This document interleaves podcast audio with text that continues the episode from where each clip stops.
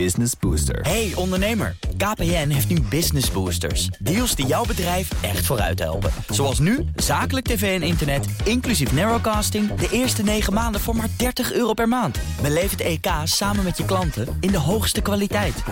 Kijk op kpn.com slash businessbooster. Business Booster.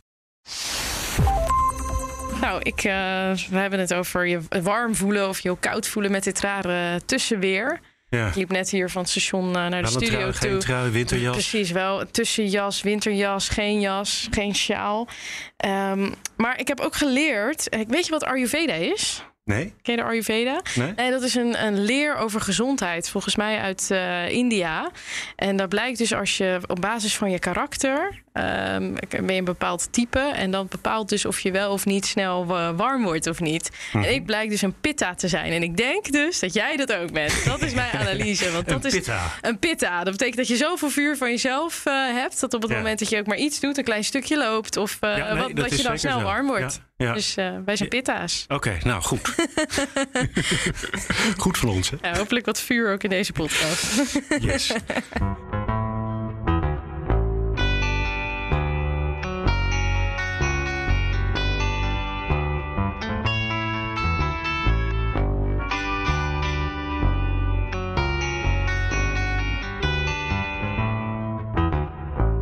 Dit is de Nieuwsdag met Talita Muse en Martijn de Rijk in plaats van Mark Beekhuis. Vandaag met onze kijk op het nieuws.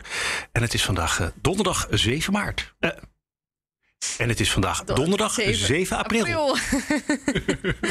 april doet wat hij wil. Ja. Ja, heb je er wel eh, gekeken, Talita, naar Ik de heb, jongen? ik heb een beetje gerefreshed, maar het Kamerdebat is echt nog steeds bezig. Terwijl wij deze opname aan het maken zijn. Ja, Dus, wat eh, eh, gaat het worden, hè? Dat, eh, ja. Ik denk dat hij gaat blijven. Wat is jouw voorspelling? Ik denk het ook. Ik denk dat dat gewoon uiteindelijk uitdraait op... we gaan wachten tot het onderzoek van Deloitte. Dat komt vlak voor de zomer en dan zullen we meer weten. Of misschien zelfs dan niet eens. Ik vrees het ook. We gaan Ja. het meemaken. Nou, wat we niet gaan meemaken, dat is ING in Qatar. Nee, de sponsoren die, ik pak even het bericht eh, erbij, die gaan niet naar het eh, WK in Qatar. Eh, ze gaan niet meereizen vanwege de mensenrechten situatie daar. En ze zijn de hoofdsponsor, hè? dus het Ze is zijn best wel ja, een belangrijke precies. club. Ja, ING Ja. zegt dat ze ook geen campagnes, geen reclamespotjes, geen marketing eromheen. Lekker rustig. Ze gaan zich vol richten op het EK voor de vrouwen in de zomer. Ook geen uitjes voor de klanten of kaartjes of andere dingen. Maar ze zijn nog, ze zijn nog wel sponsor. Dus ze hebben wel nog steeds een financiële relatie. En de, de, eh, logo komt ook op de shirtjes eh, te staan. Ik weet, kijk.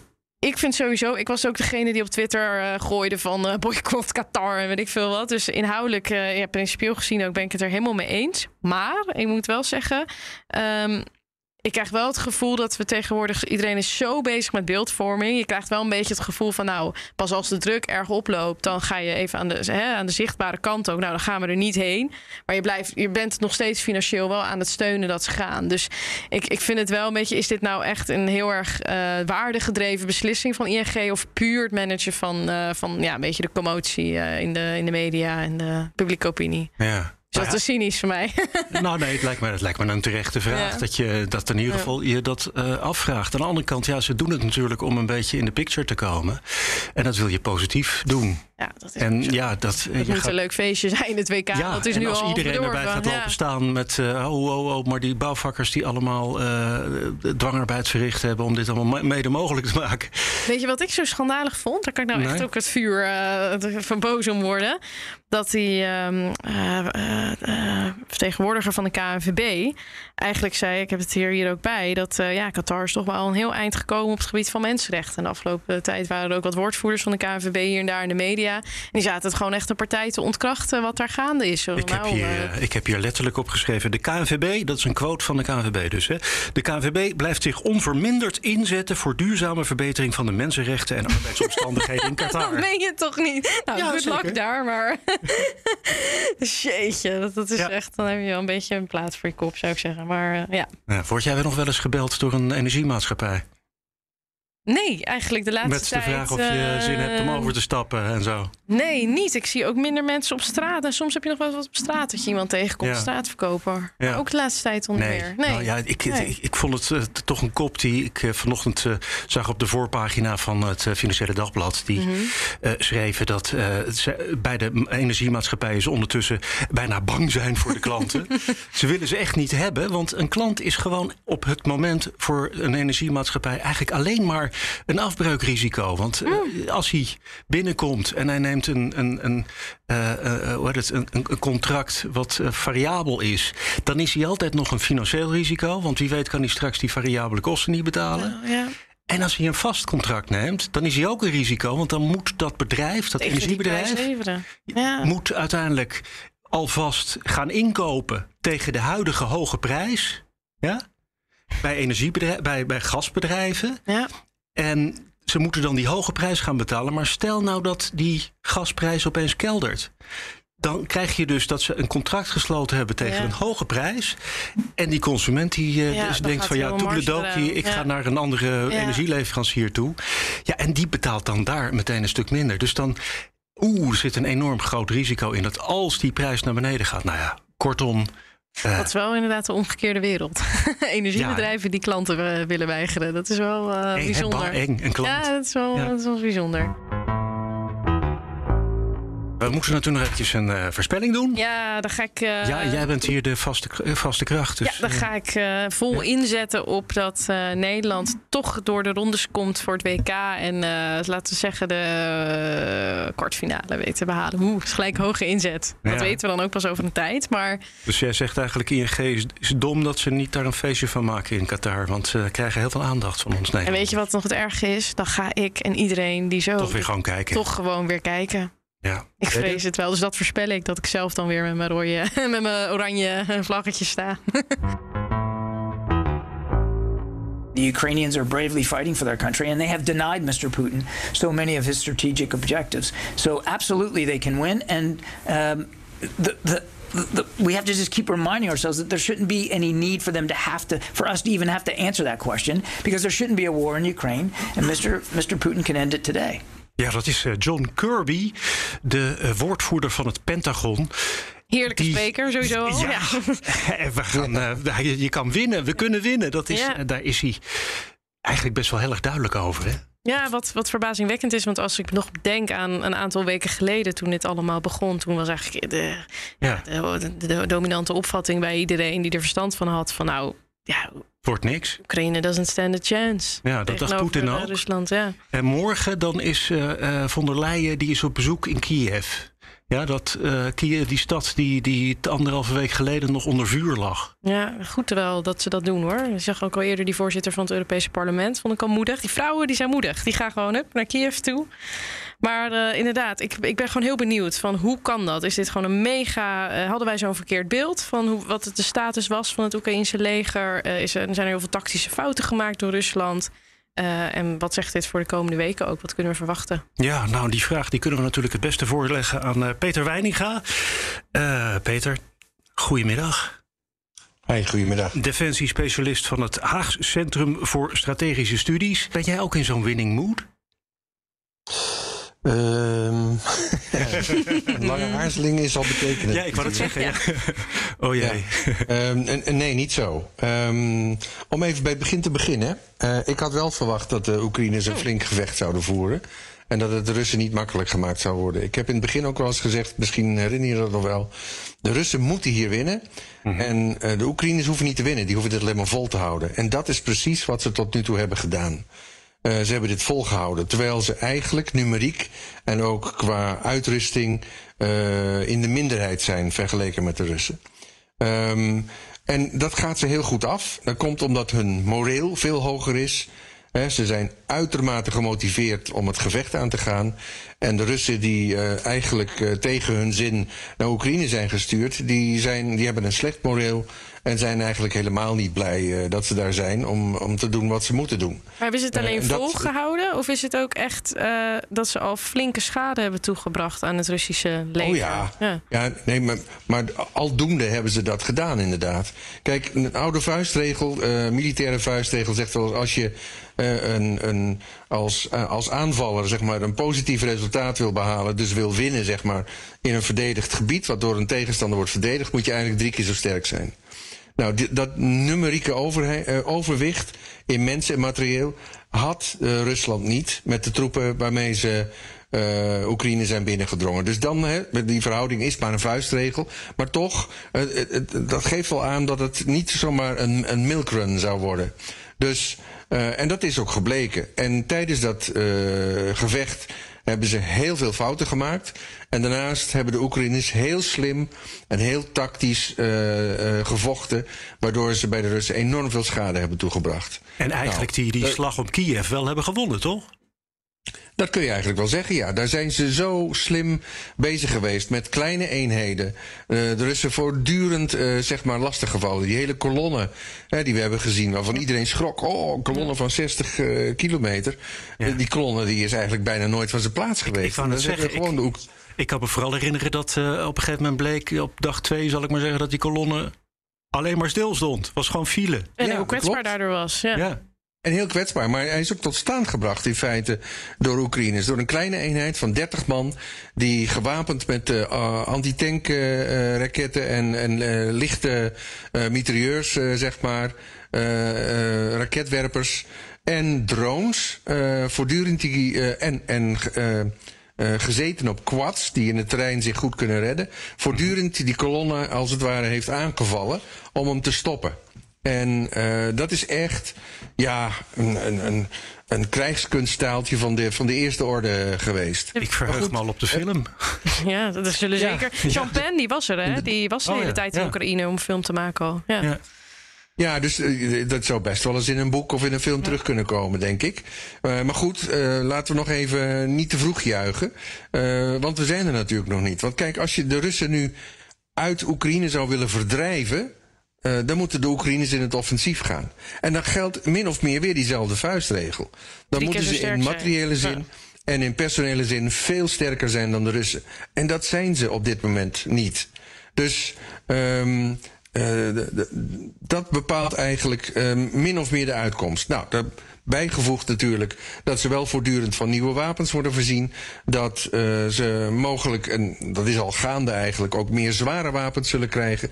Tanks onder andere en uh, waarschijnlijk ook kanonnen en panzervoertuigen. En misschien ook zelfs nog wel zwaar uh, luchtdoelgeschut. Dat zal allemaal helpen. Um, maar op papier blijven de Russen de betere partij eigenlijk. Omdat ze veel grotere reserves hebben aan mensen en en materieel. En dat op termijn ook in de strijd kunnen werpen. Maar dus, ja. Ja, zegt u dan ook Oekraïne moet niet in het offensief gaan, omdat ze dan dus mogelijk zelf Oeh. grote verliezen gaan uh, leiden? Of wat, ja. wat, zegt u, tactisch ja. gezien? Ja, wie ben ik? Wie, wie, wie ben ik als je land bezet is? Uh, uh, hoe kan je dan tegen de verdediger zeggen ja. van je moet niet in het offensief gaan? Um, ik denk dat ze wel degelijk rekening houden met een hele zware strijd. Uh, je merkt ook al hè, dat ze oproepen naar de bevolking in het oosten sturen, in de Donbass. Van uh, je kunt nu nog weg, dus ga alsjeblieft weg, want hier komt een hele zware strijd. En ik denk dat die strijd beslissend zal zijn voor uh, ja, de, het eindresultaat. Uh, waarbij ik verwacht dat uh, de Russen er uiteindelijk wel in zullen slagen een groot deel van de Donbass te veroveren, inclusief Mariupol, wat ook bij de Donbass hoort eigenlijk qua uh, geografisch, maar ook administratief. Dus um, ja, en dan is het de vraag of Poetin tevreden is met wat hij heeft bereikt, ten koste van vele duizenden doden. Dus uh, dat, dat zal er helemaal van afhangen. Ik laat me die, uh, deze overwinning nog niet zo snel uh, afnemen. Want voordat het zover is, hè, ja, voordat het zover is, moet dat hele Russische leger, wat daarboven in, nou ja, een flink deel van het Russische leger, wat daarboven in Belarus, en vlakbij Kiev zit, dat moet nog helemaal het klokje rond naar de oostkant om de Donbass te versterken. Uh, dat moet nog helemaal uh, nou ja, weer opnieuw uitgerust worden en zo. En ja, gaat dat op tijd lukken? nou ja, wat is op tijd? Kijk, zolang de strijd de voortduurt, ja. dan hebben de Russen min of meer de tijd. Hè? Dat hebben natuurlijk niet eeuwig. Maar inderdaad, die, die, die, die troepen die terug zijn getrokken noord van Kiev en ook bij Tcherniev uh, en zelfs bij Sumy vandaan zijn troepen weggetrokken. Uh, die, die verzamelen zich in Belarus, misschien ook net de grens over in Rusland. Uh, zullen worden aangevuld met personeel en materieel. Voorzien van uh, munitie weer en brandstof en ook voeding, voedingvoorraden. Mogelijk dat ze enige tijd respijt krijgen, misschien een week of zo, om een beetje te herstellen. En daarna denk ik dat ze toch wel weer in de strijd zullen worden geworpen. Um, ja, en dan um, verwacht ik um, dat ze vrij snel vanuit de, de, de regio van uh, Kharkiv in het noordoosten de grens oversteken en richting Donbass zullen optrekken. Um, en dat kan vrij snel, want het gaat over, hè, dat noemen wij interne lijnen. Mm -hmm. uh, in feite is dat op eigen gebied, hè, Belarus en Russisch ja, gebied. Ze niet aangevallen waar de Oekraïners ja. die, die ja. aanvoerlijnen niet kunnen aanvallen, zeg maar. Maar een, dus, een door uh, Russen ja. bezet Donbass, want uh, jij zegt net van ja, dan, het is de vraag of dan de Russen daarmee tevreden zijn. Maar het is ook de vraag of dat op de langere termijn zo'n gunstige uitkomst is, uitkomst is natuurlijk voor Oekraïne om daar die uh, Russen te hebben. Dat lijkt dan een beetje op van nou, dan is het misschien tijdelijk even gestaakt. Ik denk niet dat ze daar snel akkoord mee zullen gaan. En ook dat het Westen daar nee. niet zomaar uh, nee. tevreden mee uh, zal zijn. Dus ook verdere steun zal intensiveren om dat te voorkomen. Ja, die kans zit er wel degelijk in. En, en, en, en dat betekent dus eigenlijk dat er weer een soort situatie zal ontstaan. Zoals we die uh, sinds 2014 hebben gezien. Met mogelijk een bestandslijn. Ja. Waar aan beide zijden van die bestandslijn uh, troepen zitten. En die bestandslijn, en bestand zal dan af en toe worden geschonden. Maar er blijft een soort oorlogssituatie uh, bestaan. Nou ja, en dan heeft Rusland wel zijn zin. Want in die situatie kan Oekraïne niet verder tot het westen nader komen, zeg maar. Nou, geen EU geen, en geen, geen NAVO. Nee, nee, formeel niet. Nee. Formeel niet, alhoewel het zich wel gesteund zal uh, ja. weten, denk ik. Op andere manieren, min of meer in het verlengde van wat nu plaatsvindt. En de Russen kost het ook handenvol geld. Dus het is de vraag um, hoe lang dat zal gaan duren. Maar het kan dus, hè, zoals Stoltenberg ook al uh, uitsprak, um, ja, heel lang gaan duren. Ja, jaren had hij het over, hè? Ja, ja, goed. Zo pessimistisch wil ik nou ook weer niet zijn. Ik hoop uiteindelijk dat er een situatie ontstaat waarbij de partijen kunnen zeggen: Nou, oké, hiermee kunnen we leven. Ja, wat zal dat zijn? Ja, dat zal toch een soort van winst voor uh, Poetin moeten zijn. Uh, met Mariupol, met die landbrug naar de Krim en een groot gedeelte van de Donbass. En dat betekent eigenlijk, uh, ja, dat Zelensky uiteindelijk uh, eieren voor zijn geld zal moeten kiezen. En dat is hoe, hoe triest dat ook klinkt. En hoe onrechtvaardig ook. Um, ik denk dat dat de harde realiteit is. Ja, ik, uh, ik ga. Ik ga ja, sorry, We willen toch niet. Doe maar alsof ik een Oekraïner ben. Ja. Ik wil het niet opgeven. Nee, nee maar. Uh, wapens die op dit moment uh, vanuit de VS deze, uh, die kant uitgaan. Uh, nou wordt er ook ja. diezelfde Colby, die heb ik ook gehoord over, of Kirby moet ik zeggen. Die Pentagon-woordvoerder, die heb ik ook gehoord over die Switchblade drones. Dat zijn hele handige kleine drones die je nou ja, nog net niet in je achterzak kan steken. Maar waar je hele spannende dingen mee kunt, uh, kunt doen. Um, ja. Als je de zware versie hebt, dan kun je daar gewoon een tank mee uitschakelen. Uh, ik, ja. Is, is, kan, kan, dat nog iets van roet in het eten gooien? Of is nou, dat is de vraag of het ja. doorslaggevend is natuurlijk. Dat is de vraag. Mm -hmm. Um, kijk, de, de, Oekraïners hebben aangetoond al dat ze uh, behoorlijk inventief zijn met moderne technologieën. Ik heb je al verteld van die eenheid die met drones die kolonnen de hele tijd, uh, zeg maar, uh, of met behulp van drones, die kolonnen heeft aangevallen. Uh, ik denk dat je dat op meerdere plekken zult gaan zien. Maar als er over een breed front wordt aangevallen, of vanuit drie richtingen, hè, vanuit de Kharkiv, vanuit Mariupol en vanuit die uh, volksrepubliekjes, dan is de vraag of de Oekraïners voldoende uh, mensen en middelen kunnen, bij elkaar kunnen krijgen om dat goed af te slaan. dat, dat moet je echt, ja. Mm, Laat ik zo zeggen, daar ben ik niet eh, eh, verschrikkelijk optimistisch over. De vorderingen van de Russen zullen waarschijnlijk langzaam zijn. eh, maar ze zullen weer massaal artillerie inzetten. En daar hebben ze heel veel van. Hè? Van die raketlanceerders die, die gewoon 20, 30 eh, raketten achter elkaar kunnen afvuren. Dat zal een vernietigende uitwerking hebben op eh, een, een doelgebied waarin, eh, nou ja, bijvoorbeeld eh Oekraïnse eh, troepen zijn ontplooid. Eh, en ja, weet je, dat is toch wel iets, denk ik, waar de Oekraïners ook nog geen antwoord op hebben. Ehm, we hebben die dingen nu voortdurend eh, ingezet gezien tegen steden. Die steden liggen ook verschrikkelijk in puin.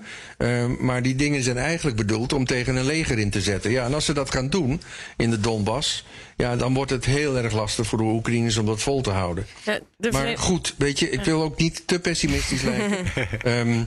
Hoop. want de Russen gaan hier zelf ook weer heel veel mensen bij verliezen, ben ik bang. Wat dat betreft is het eh, te triest voor woorden dat hier eh, zoveel eh, slachtoffers bijvallen aan beide kanten. voor een oorlog die eigenlijk maar in, in het hoofd van één vent zich afspeelt. Is er, is er nog een scenario waarin Rusland chemische wapens zou inzetten? Werd vandaag ook weer over bericht vanuit Ja. de Verenigde Staten.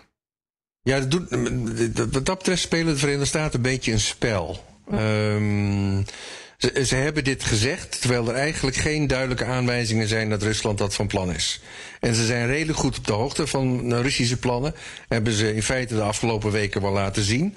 Ehm, maar eh, dit is met opzet zo naar buiten gebracht. Eigenlijk om, het, om de Russen voor te zijn. Eh, om te zeggen van hé. Hey, ehm, Ehm, wij verwachten dat je dit doet. Dat Ja. betekent dat wij er ons voor- op voorbereiden. De Oekraïners zijn erop voorbereid. Je kunt het dus maar beter uit je hoofd laten. Ja. En dat, datzelfde zie ik eh, ook, eh, datzelfde licht zie ik ook een beetje de opmerking van Kirby. Hè, dat ze absolutely can win. Eh, dat is prachtig. Hij gaat natuurlijk niet uitstralen dat ze niet kunnen winnen. Want hij wil ook eigenlijk dat ze die strijd voortzetten. Ehm, en, en dat ze die strijd kunnen voortzetten. En dat ze dus gesteund worden. Eh, dat soort opmerkingen moet je altijd een beetje kijken van wat zit er nou achter? Waarom wordt dat gezegd? En ik geloof dat dat met die chemische wapens speelt. En ook met de hele optimistische opmerking van Kirby met betrekking tot ja, mogelijke winst eh, van de Meer Oekraïners. onderdeel van de communicatieoorlog naast de Ja, het is, het eh, is, wat de Ja. Amerikanen nu hebben laten zien, eigenlijk de afgelopen weken, is bijzonder. Want dat is wel een afwijking van, wat, nou ja, alle tientallen jaren waar, waar eh, hoe ze het daarvoor hebben gedaan. Is dat ze eigenlijk op basis van hun inlichtingen eh, eh, redelijk open naar buiten treden met wat ze vinden. En echt sturen in informatie. Eigenlijk om de desinformatie, die er zonder meer van Russische kant kwam, eh, voor te zijn. Dat is vooral Blinken, die eh, minister van Buitenlandse Zaken. Die, eh, Ja, die is daar ook heel goed in. Ja, Het- Er er zitten een paar slimme lui nu in Washington. Anders dan eh, bij de voorgaande regering. nou. Goed, nou laten we dan met dat optimistische Ja, nootje eindigen. Peter Weininga, dankjewel. Dankjewel. Graag gedaan. Peter Weininga van eh, defensiespecialist van het Haags Centrum voor Strategische Studies. Eventjes een laatste berichtje uit eh, Den Haag. Ik eh, lees maar Ja, eventjes voor. Ja, minister Helder die, eh, het biedt excuses aan aan de Kamer. Dat is natuurlijk de huidige minister van Volksgezondheid. Ja. Ja, Sorry seems to be the hardest word. ja precies. Maar ze heeft het eh, toch weer, weer eens een keertje laten horen Ja. daar in, in de Tweede Kamer. Ja, nou, of dat nou verder nog wat gaat opleveren. Ik weet eigenlijk nog steeds niet of eh, eh, de jongen zelf al aan het woord geweest is. Ik geloof het niet op dit moment. Nou, dat, ik hoop ook van niet, want dan ga ik lekker met een bak popcorn vanavond eh, naar de bijdrage De van gewoon eventjes jongen kijken. Sowieso hoor je dit allemaal morgen in Nieuwzoom Den Haag. Talita, dat was hem dan weer. Dat was hem alweer. Ja. vloog voorbij. Ja, gaat snel hè? Ja, heel interessant wel wat we net hebben gehoord. Uh, helaas uh, iets minder optimistisch over de kansen van Oekraïne. Ik denk bevrees dat we nog wekenlang over uh, deze oorlog gaan praten. Ik denk dat dat nog wel wat langer zou kunnen zijn, heel stiekem. Maar jeetje, ja. Nou, Goed, waar kunnen we allemaal, waar kan men ons kan allemaal vinden? In je favoriete podcast-app. En vergeet dan ook even niet een comment of een like te doen. En je kan natuurlijk ook altijd even op social media kijken op @bnr via Instagram en Twitter. Dan kan je ook meedoen met de voorspelling. Um, en Ed Talita en Ed Marks Remarks. En eh, heb jij eigenlijk socials? Ik kunnen we jou eh, het ook. Rijk. Nou, kijk eens aan. Ja. Daar weet je ons te vinden. En eh, tot volgende week. Tot volgende week.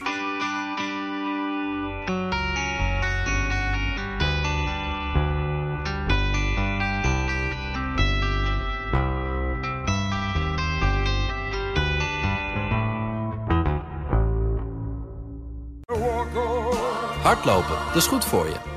En Nationale Nederlanden helpt je daar graag bij. Bijvoorbeeld met onze digitale NN Running Coach... die antwoord geeft op al je hardloopvragen. Dus, kom ook in beweging. Onze support heb je. Kijk op nn.nl slash hardlopen.